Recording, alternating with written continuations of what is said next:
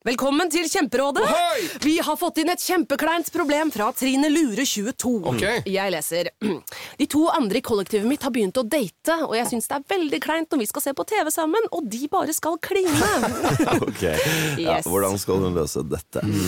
Siden Trine Lure er under 30, får hun jo ubegrenset data fra Telenor fra 399 kroner. Da Da kan hun sette seg på sitt eget rom, streame så mye hun vil på mobilen. Ja, hun kan jo se på nye mobilabonnement på telenor.no. Ja, det er lurt. En podkast fra Podplay.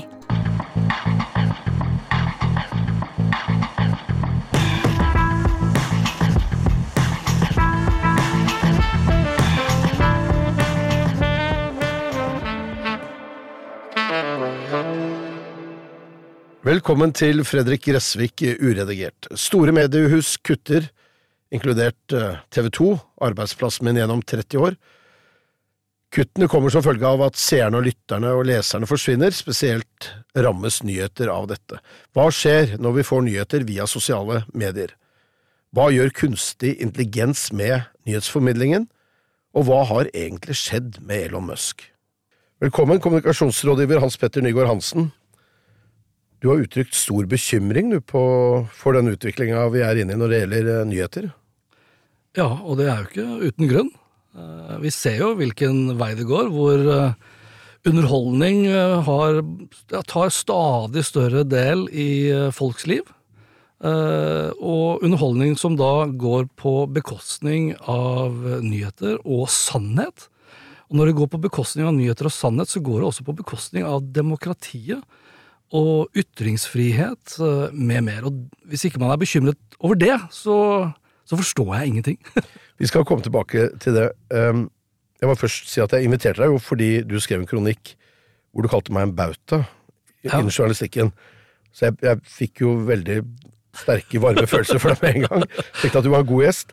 Um, Men det er du jo, da. eh, nei, jeg synes det er kanskje litt Altså, du skal jo selvfølgelig men- ikke innrømme det. Så når folk sier for at jeg er en ekspert på teknologi osv., så, videre, så sier jeg ja, det er dine ord. Ja, Men hvem er du, da?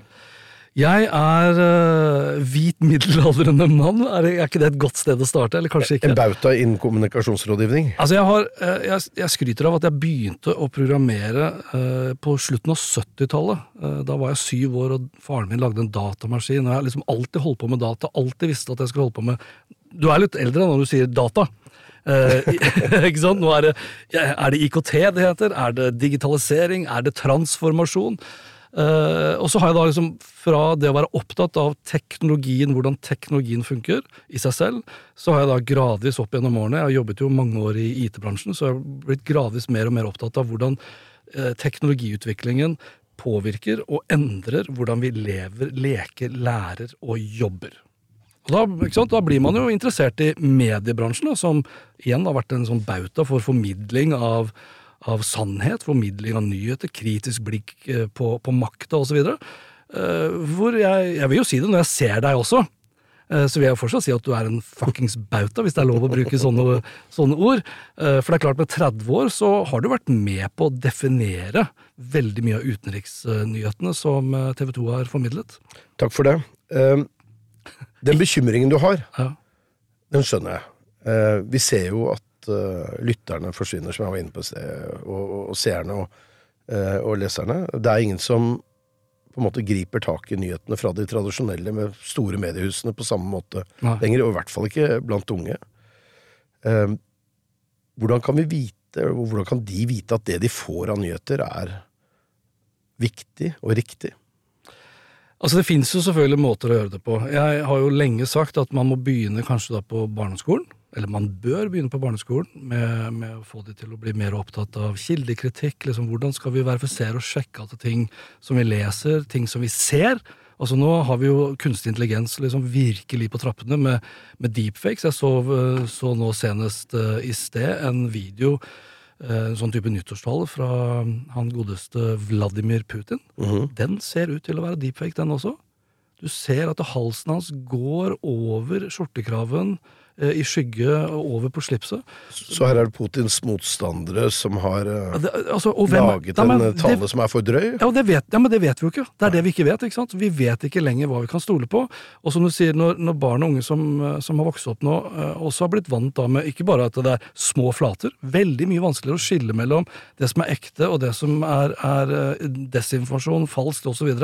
Når flatene er såpass små, altså da snakker vi smarttelefoner, vi snakker om sosiale medier, hvor blant annet da din arbeidsgiver har gang på gang blitt utsatt for nettsider og nyheter som ser ut som det er fra TV 2, men som ikke er det, og som krever at du faktisk da har satt deg litt inn i teknologien da, for å forstå det. Så har også da de unge blitt opptatt eh, av at mesteparten av nyhetene og mesteparten av tiden de bruker på nett, er via sosiale medier. Og kanskje det aller viktigste, fordi mediene For jeg har jo vært veldig kritisk også til hvordan mediene har valgt til å begynne med å ignorere eh, informasjonsteknologien. Så har, man, så har jo de barn og unge nå i dag har jo blitt et offer for det, fordi de har blitt vant til at alt er gratis.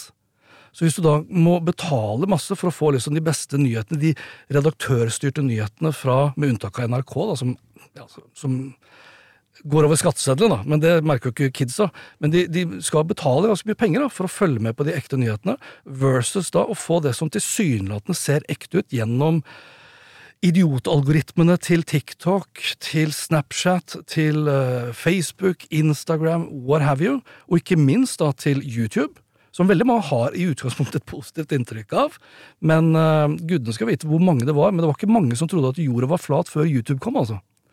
Nå er det fryktelig mange, og økende, og det synes jeg det er det største paradokset. Vi har aldri hatt tilgang til så mye nyheter, så mye informasjon og kunnskap. Allikevel så faller kunnskapsnivået jevnt over. Og det var da jeg skrev den kronikken også, at vi dør av underholdning. Jeg var jo USA-korrespondent eh, under Trumps eh, periode som president. Og det var utrolig spennende. Fantastiske år. Jeg elsket eh, nesten hvert minutt av det som journalist, fordi det var gøy og spennende og interessant å formidle. Men jeg så jo noe der som eh, gjorde meg også veldig bekymra, og det er jo den eh, mangelen på forståelse av hva som er riktig og fake news. Så altså eh, forskjellen på dette her blant amerikanere. Eh, og det så jeg også i Norge, hvordan eh, folk på sosiale medier til stadighet angrep meg fordi de mente at jeg sa ting som ikke var riktig, fordi de hadde lest eller hørt noe helt annet et eller annet annet sted på Jeg spurte av og til altså, hvor da, men da var kilden var nettet, ikke sant? Ja. Eh, Hva nå det må være. Look it up. ja. Det er det de ofte sier. Nei, så jeg, jeg deler bekymringen din veldig, og jeg ser jo at uh, Som jeg var inne på et sted, vi mistet uh, serie TV 2. Avisene mister kjøpere. Altså, det må jo være en eller annen forretningsmodell man må finne da, for å For journalister må jo en gang ha betalt. Vi må jo, Ja, ja. Vi må, må jo få penger til å leve.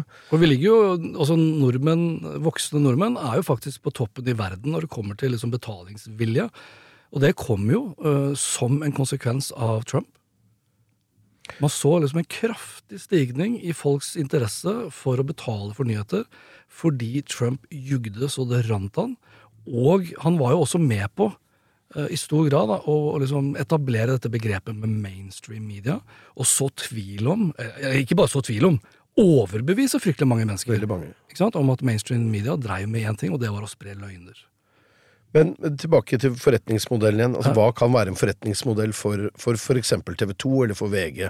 Hvordan skal de klare å, å tjene penger slik at de kan lage god journalistikk hvis seerne og, og leserne forsvinner? Ja, det, altså, la oss si at hvis jeg hadde hele den fasiten, Ja. så hadde jeg ikke delt den gratis med, med, med, med deg. Men har du den? Og Altså- er for villig til å dele den? Jeg tror, for det første så Finnes den, da? Både ja og nei. Eh, Jeg tror det ligger mye i eksempel samarbeid. Eh, Og da må man faktisk mene det også, at man vil samarbeide. også mellom mediehusene. Det har jo vist seg nå i årevis å være fryktelig vanskelig. Skipsted, Amedia, eh, Polaris osv. har jo lenge snakket om annet å gjøre det enklere ved at man har en felles pålogging. Det hadde vært gunstig. Skipsted, som da det store mediehuset de er, nå skal ikke jeg snakke dritt om de, men de har vært veldig sånn my way og the highway. Ja, men de, ja, de er jo svære, så de kan Ja, jo ta seg til rette. ja, men løs, Hvorfor skal altså, de dele svar, ja, det, ja, Vi snakker pålogging. Vi snakker pålogging, for det er klart Hvis du hadde fått en felles pålogging et sted med brukernavn og passord, så kunne man også begynt i større grad å dele data. Så hvis jeg for eksempel var inne på TV 2 og leste noen fantastisk viktige nyheter der, hvis de hadde valgt å dele uh, dataene om mine brukerpreferanser, så kunne de for eksempel ha foreslått at på Aftenposten, Federlandsvennen, på VG, Bergens, i Bergens Tidende osv. Så, så har de skrevet mer om dette temaet. Det kunne de ha konsolidert til et nyhetsbrev som eh, f.eks. jeg da valgte å betale for. For eksempel. det kunne vært én løsning. I dag så har vi sett noe samarbeid, men det har vært mer da på det rent kommersielle. TV 2 og NRK har samarbeidet f.eks. om å sende fotball-VM fra stadig oftere, da, korrupte autoritære regimer. Det er en annen diskusjon.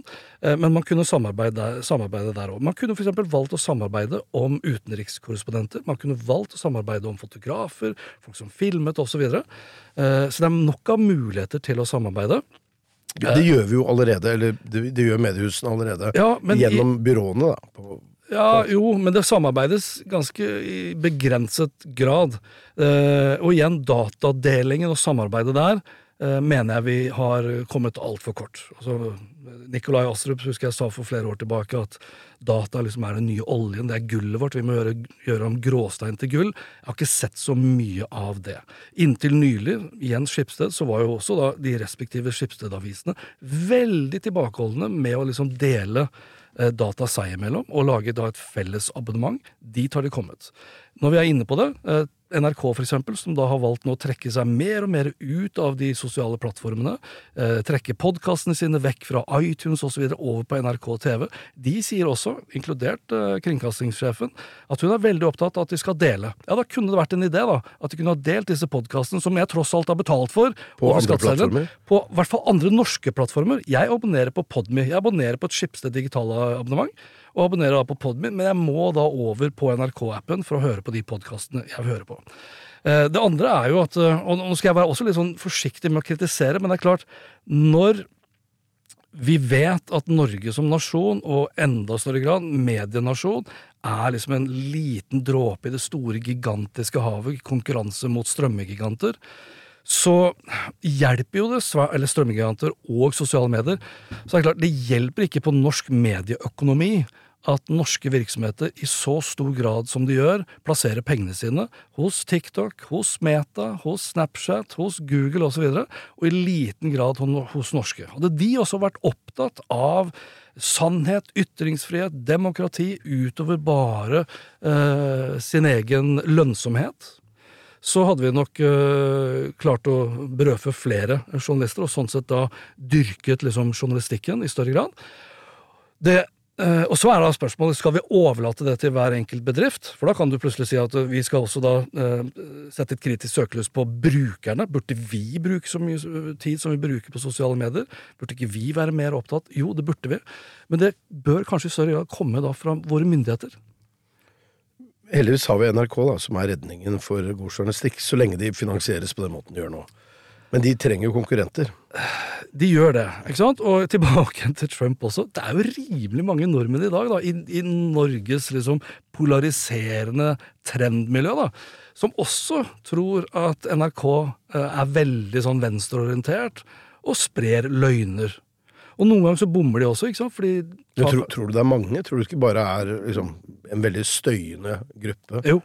Jo da, men det er mange nok til at, øh, til at det er nok nordmenn som tror at det de leser og ser på sosiale medier, er eh, representativt for Norge.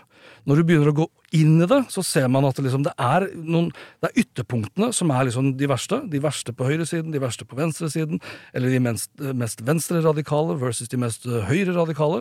De lager såpass mye støy at nesten ingen egentlig, når alt kommer til alt, ca. 80-90% av nordmenn i dag, går jo ikke inn i debatter og diskusjoner i sosiale medier lenger. Fordi du blir jo drapstruet eh, over en lav sko. Jo takk, jeg Ja. kjenner til det. ja, ikke sant? Du ja, da, og du er en veldig profilert person. Men det er klart, hvis du ønsker, hvis du ønsker å ha et godt liv, da, hvis du ønsker å, å, å fokusere tiden din på noe som gir energi, og ikke tar energi, ja, så burde du jo ikke være på sosiale medier.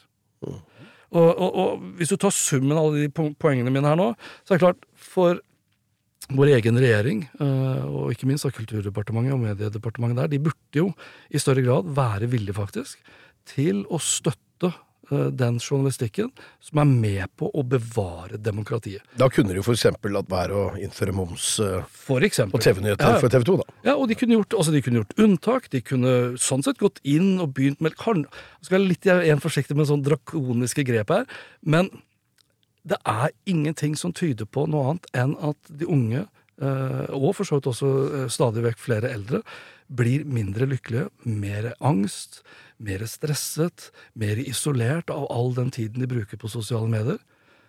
Kan man liksom ty til andre, grep da, for å få liksom bukt med det som vi ser altså, La oss si at sosiale medier hadde vært noe du putta i munnen og spiste eller drakk. Ja, Så hadde Mattilsynet vært der på flekken. Det er det ikke. Det er ingen som kan stoppe dette. Eh, altså Hvis vi ikke skal begynne å innføre regler som, Det derfor jeg skal være som de har i land eh, Ja. som vi ikke vil sammenligne oss med. Eh, jeg satt i nyhetsledelsen i TV 2 eh, på slutten av 90-tallet, helt eh, sånn rundt 2000, Mm. og muligheten for å lage nettaviser kom dalende over oss. Ja. Eh, og min sjefredaktør den gang, eh, Kåre Valbrok, han så på dette og sa nei, det her kommer vi jo aldri til å tjene penger på. Og det er jo mulig at han har rett. Ikke sant? Det er jo ekstremt vanskelig. Og det han også advarte mot, var jo at hvis mange nok begynte å bruke dette, altså nettavisene, Ja. så ville vi kannibalisere oss selv. Og det, og det er jo det som har skjedd med eh, papiravisene. Ja. Og det har skjedd med ja, altså nyheter på generelt, altså for TV 2 sin del. Det er klart, men det, det er jo også litt sånn eh, klassisk eh, feil strategi, vil jeg påstå.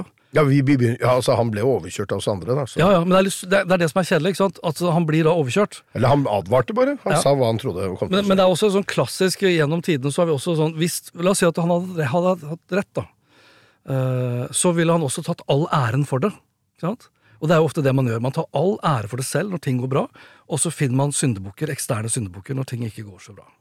Nå er vi oppe i den samme egentlig diskusjonen, for nå kommer altså inn kunstig intelligens med full force.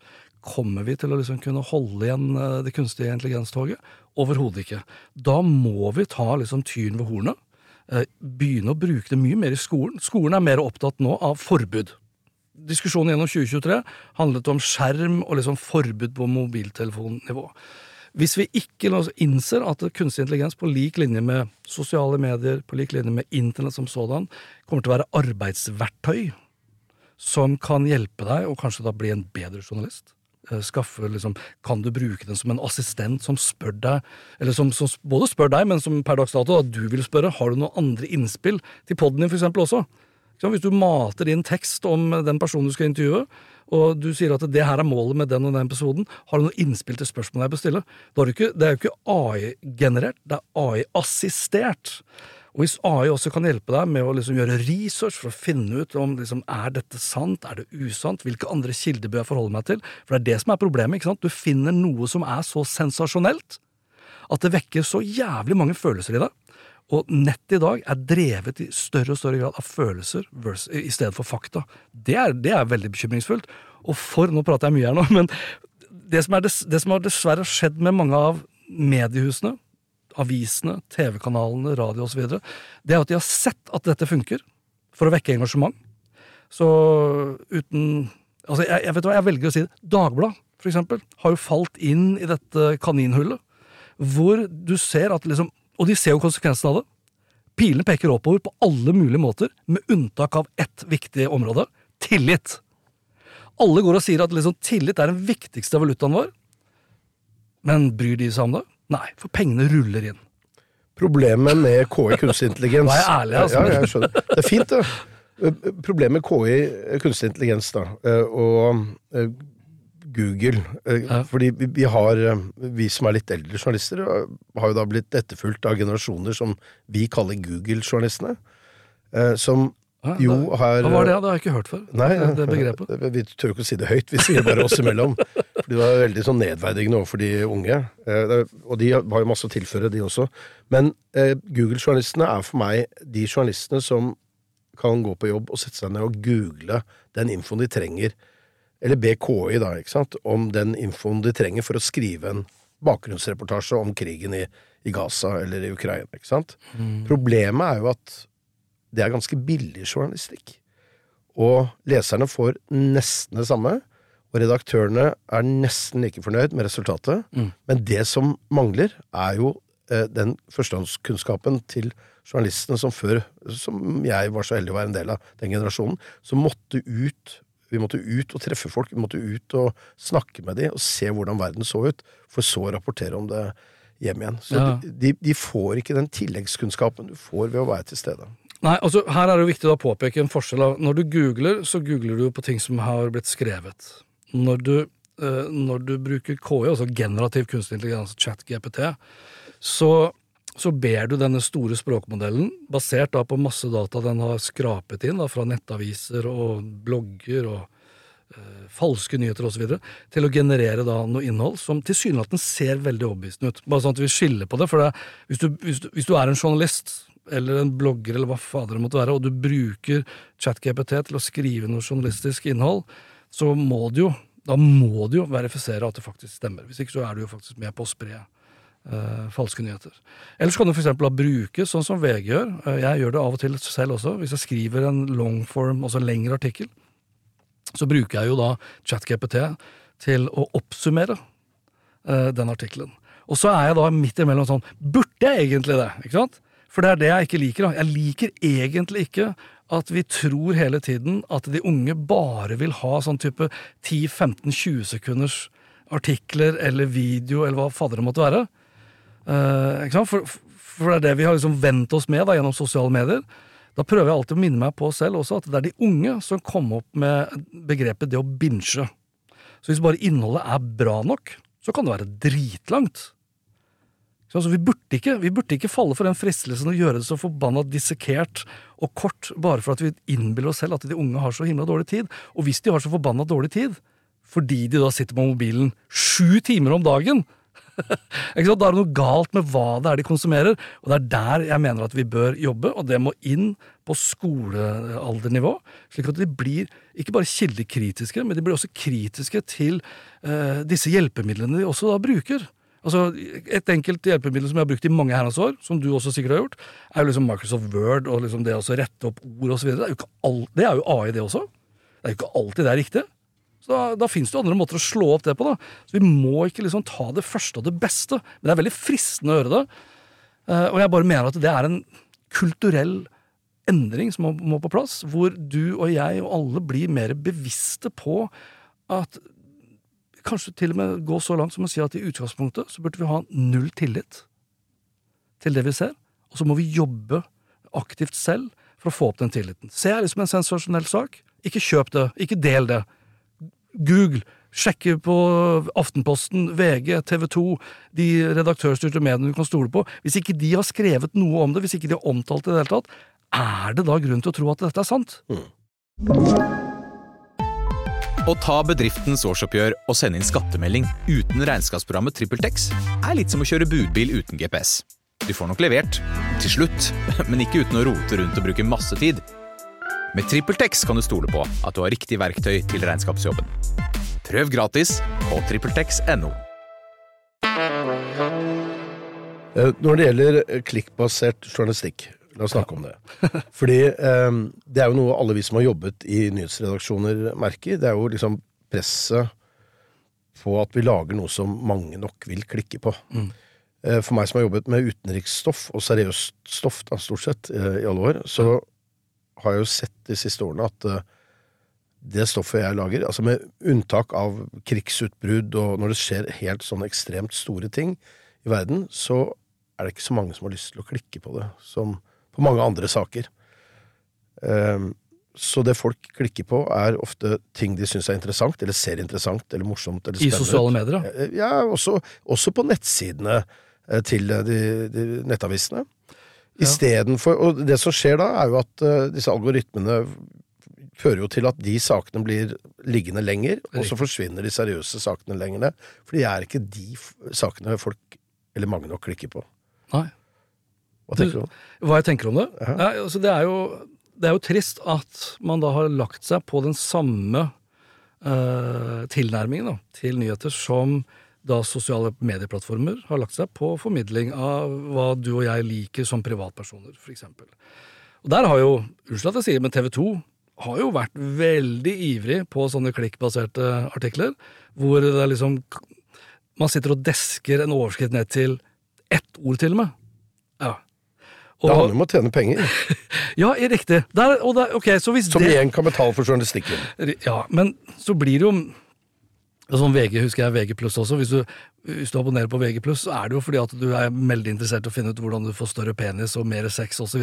Ikke for at du skal bli et smartere menneske. Det er jo stort sett bare Det ene utelukker jo ikke det andre her, da. Nei da. Men poenget er i hvert fall at når du, For du var inne på det magiske ordet. altså Man, man desker det ned til et sosialt medienivå. eh, Og eh, man klikkbaserer det i stor grad da, basert da på algoritmer. Sånn at du, du skal jo da ramle så raskt som mulig ned i det kaninhullet, det ekkokammeret. Og så blir du bare matet med mer og mer. Mer av det samme. Ikke sant? Og det er lønnsomt. Ja, det er lønnsomt, for da blir du lenger på TV 2, eller du blir lenger på VG, eller du blir lenger på Facebook, osv. Og så er jeg da tilbake til det jeg sa i sted. Er det bra for samfunnet under ett? Nei, men det er det jo ikke. Det er vi enige om. Så hvis vi er enige om det, hvorfor gjør ikke regjeringen noe mer med det? Men de kan jo ikke tvinge folk. Nei, men de kan jo eksempel gjøre noen endringer. Altså kan, jeg husker hun godeste Linda Hofstad Helleland sa for noen år tilbake at hun skulle gå i sømmene på disse sosiale medieplattformene og få da på plass et algoritmetilsyn. Ja.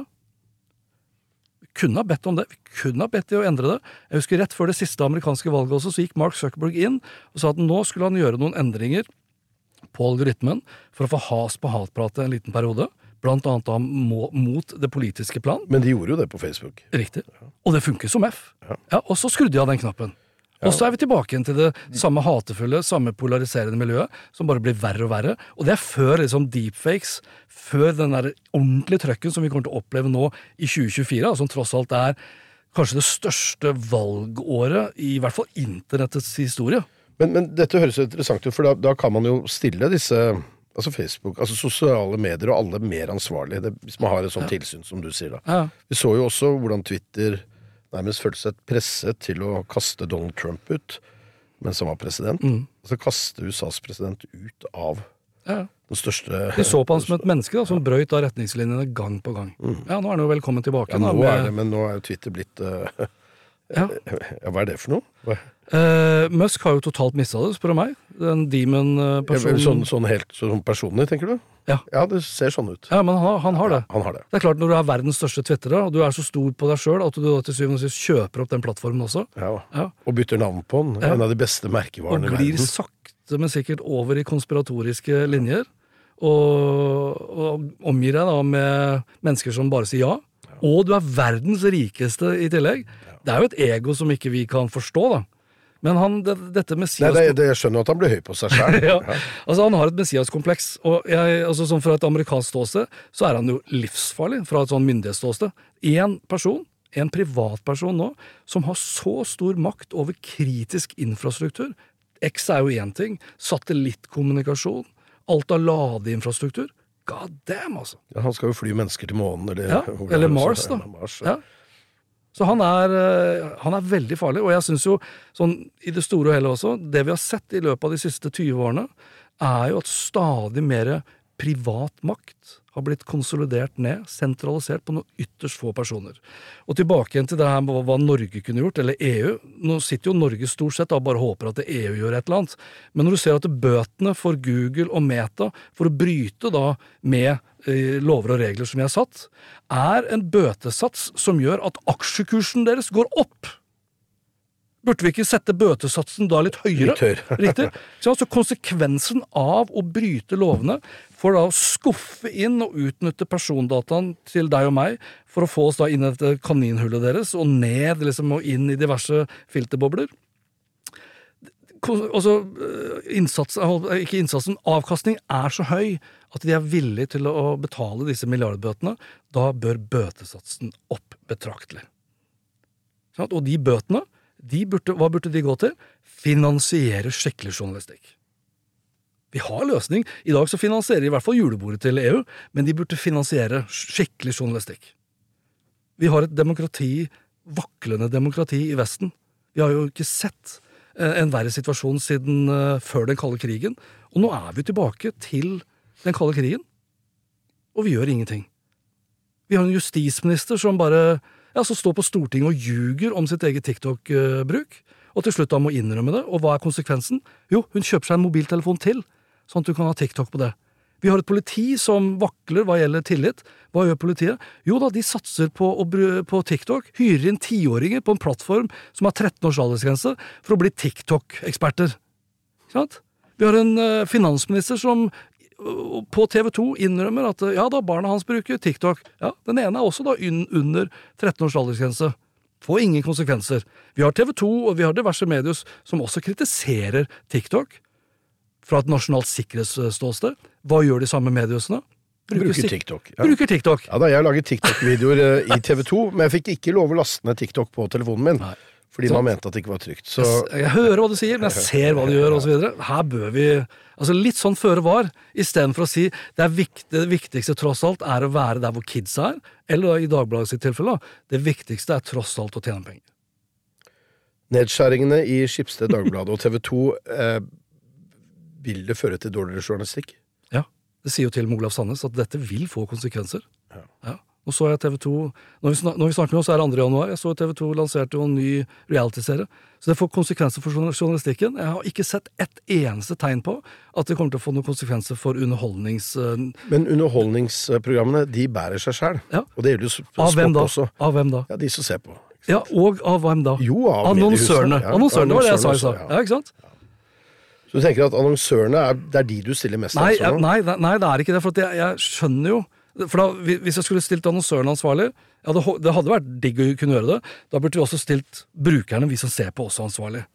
Når verden er så kald og brutal, og det er så mye fryktelig som skjer, så kan jeg også forstå at det er litt deilig å liksom flykte unna med 16 ukers helvete eller eh, eh, Dag Otto Lauritzen med Kompani Lauritzen osv.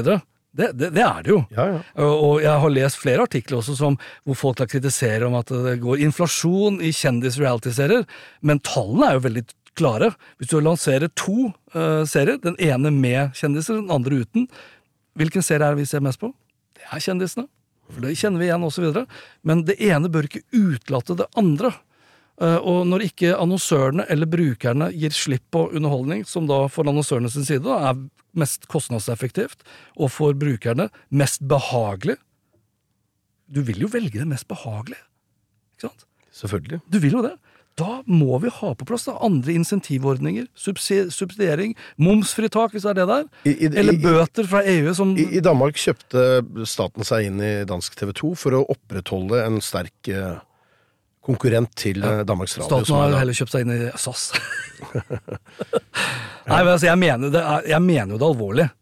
Det er alvorlig at stadig flere tror at jorda er flat. Det er alvorlig at stadig flere ikke vet hvilken side av en sannhet eller av en nyhet de skal stole på. Eh, Det er alvorlig at stadig flere ikke vet om den nettsiden eller artikkelen de leser, kommer fra den faktiske eh, nettsiden, eller fra en falsk side. Jeg så, bare som et eksempel her nå, i, i går, 1. januar, så jeg på TV 2, som jeg alltid gjør. Eh, Da er det en reklame for Trivago. Det er hotell, sjekke sjekk ut Trivago osv. Så, videre. så stusset jeg over eh, at jeg kunne se et par sånne rare ansiktsbevegelser på han som da snakket norsk. Så jeg googlet nå på vei ned hit, og ser jo at de har jo da brukt AI til å lage denne reklamen. Det er ikke mennesker som står og snakker. Jo, det er et menneske, Ja. men de har jo da brukt Jeg har, også, jeg har jo laget tilsvarende video for å understreke et poeng, at det blir vanskeligere og vanskeligere å vite hva som er ekte og hva som er falskt.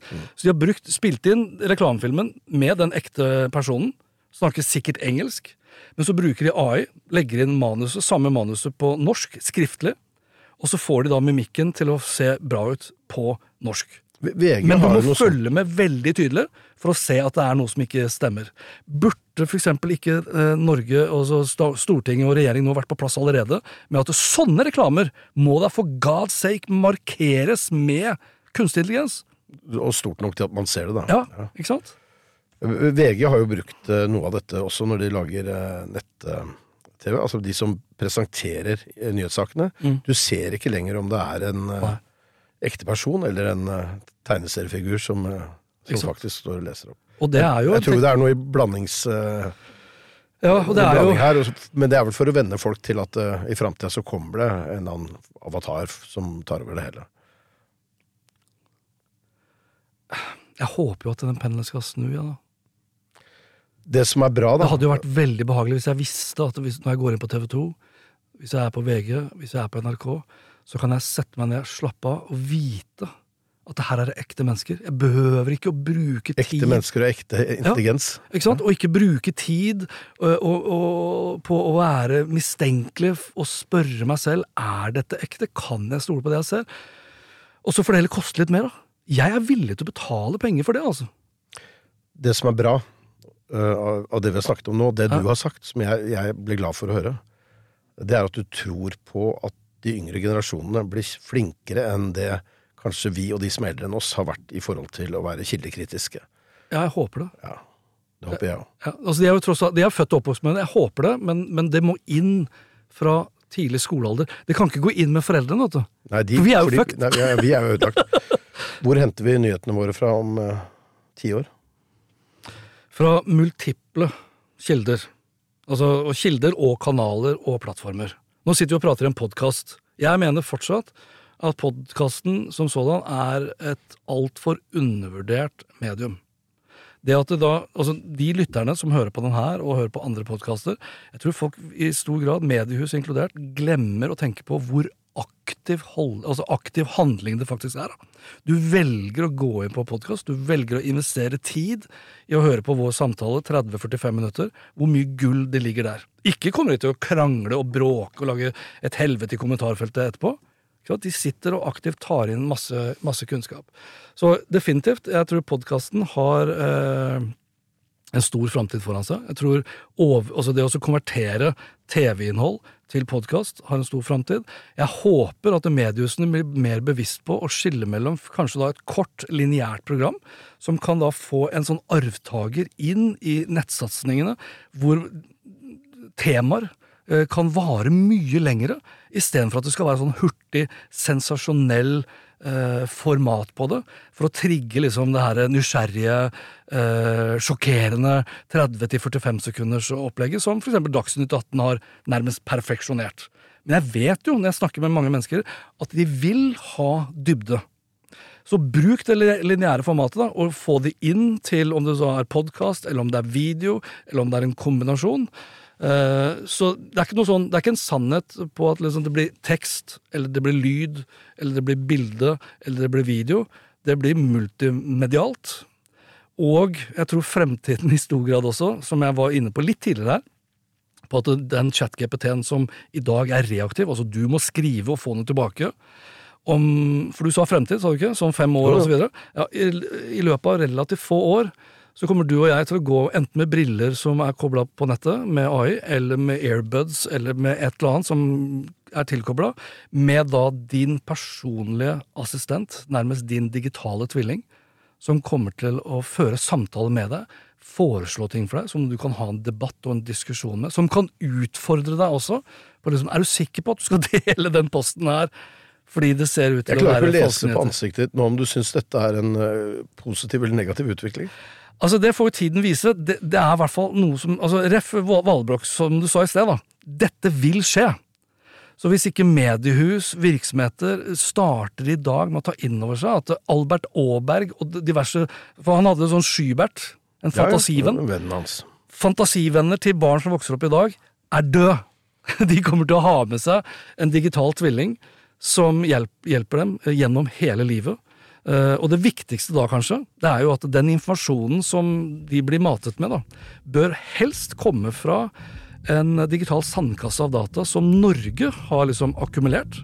Ikke som Facebook og andre kommersielle aktører har akkumulert og samlet inn, som da til syvende og sist vil bli brukt imot deg til å få deg til å liksom bli på den plattformen så lenge som mulig, kjøpe produkter du ikke trenger, osv. Hans Petter Nygaard Hansen, tusen takk for at du kom.